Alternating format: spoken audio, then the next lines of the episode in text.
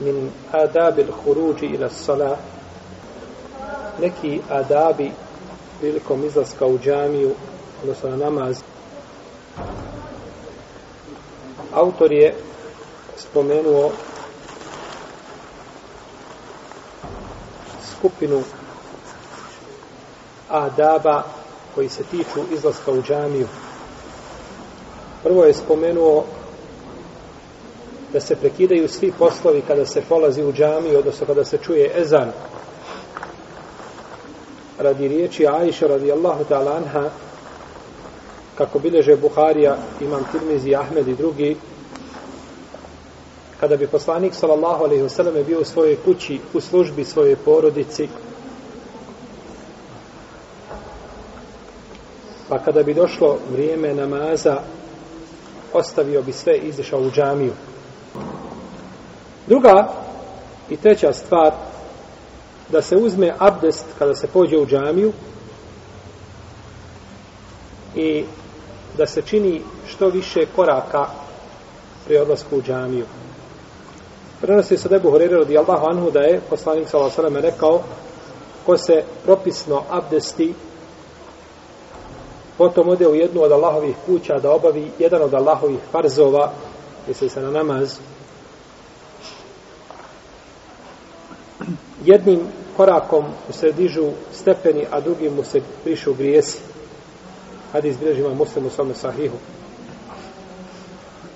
Stoga su neki učenjaci Selefa kada bi išli u džamije pravili sitnije korake, da bi bilo što jer ti si nagrađen po koraku, ili tako? Pa ne ide u prilog onome koji ima dug korak, tomu ne ide u prilog, je tako? Jer je nagrađen po po koraku. Po koraku. A od Ebu Musa Lešarja se prenosi da je poslanik sa osaname rekao Najviš, najveću nagradu imaju oni koji najviše pješače ili koji su najdeli od džamije. Najdeli pa najdeli, znači najdeli pa najbliži, jel? Kako je čovjek dalje ima veću šta nagradu od odlaska u džamiju. I od danas jedno malika se prenosi da je Benu Seleme, pleme, da su htjeli da se premjeste blizu džamije Pa im je poslanik sa osram rekao, zar ne želite da vam se pišu vaše koraci? Pa su ostali na svome mjestu. Da čovjek odlazi da požuri u džamiju i da porani. To je četvrti edeb koga je spomenuo autor. Pa od Ebu Horeira radijallahu ta'ala se prenosi da je poslanik s.a.v. rekao kako bilježe Buharija i Muslim kada bi znali šta je u požurivanju na podne namaz da čovjek porani natjecali bi se ko će više poraniti i da znaju šta je na sabahu jaci došli bi tamani puzžući u džamiju i kada bi znali šta je u prvom sapu ne bi dozvolili da ih uđu u prvi sap osim da se kocke bacaju odnosno da se natječu ko će prvi doći u saf.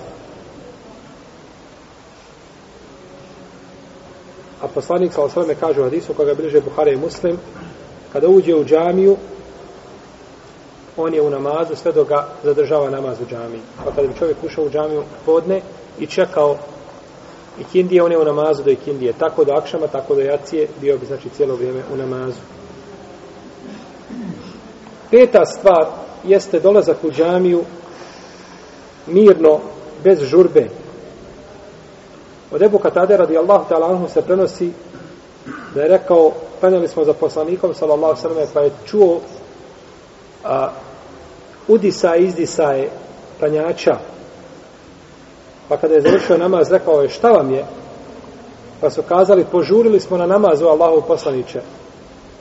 Pa je rekao, nemojte tako činiti, kada dolazite na namaz, dolazite smireno i polahko, pa šta stignete, klanjajte za imamom, a šta vas je promaklo, naklanjajte. Znači, bez imalo žurbe da se ide u džamiju. A u predaju Ebu Horeira radijallahu anu koji isto bilježe Buhari i muslim kao i prethodnu, kaže poslanik sallallahu alejhi ve kada čujete i kamet idite na namaz mirno i spokojno. Čuo si i kamet iz daleka? Možda se i kamet uči na mikrofon pa se čuje polako idi dok ne dođeš u džamiju. Pa kaže poslanik sallallahu alaihi ve ne žurite ono što ste stigli klanjajte a što vas je promaklo naklanjajte. Sedmi edeb je da se prouče dove kada se ulazi u džamiju, što je jeli poznato i došlo u sunetu poslanika za osrem, da se kaže kada se pođe u džamiju Allahum iđal ti kalbi nuren fi lisani nuren ođal ti semai nuren ođal li ti basari nuren ođal li min halfi nuren o min emami nuren ođal min fauki nuren o min tahti nuren Allahume a'tini nuren i to bileže Buharija i Muslim. I došlo je u predaji koju bileži ima Muslim i drugi da se kaže Bismillah Allahume salli ala Muhammed Allahume iftah li ebu abe rahmetik. Kada se znači ulazi u džamiju i druge ili poznate dove koje se uče.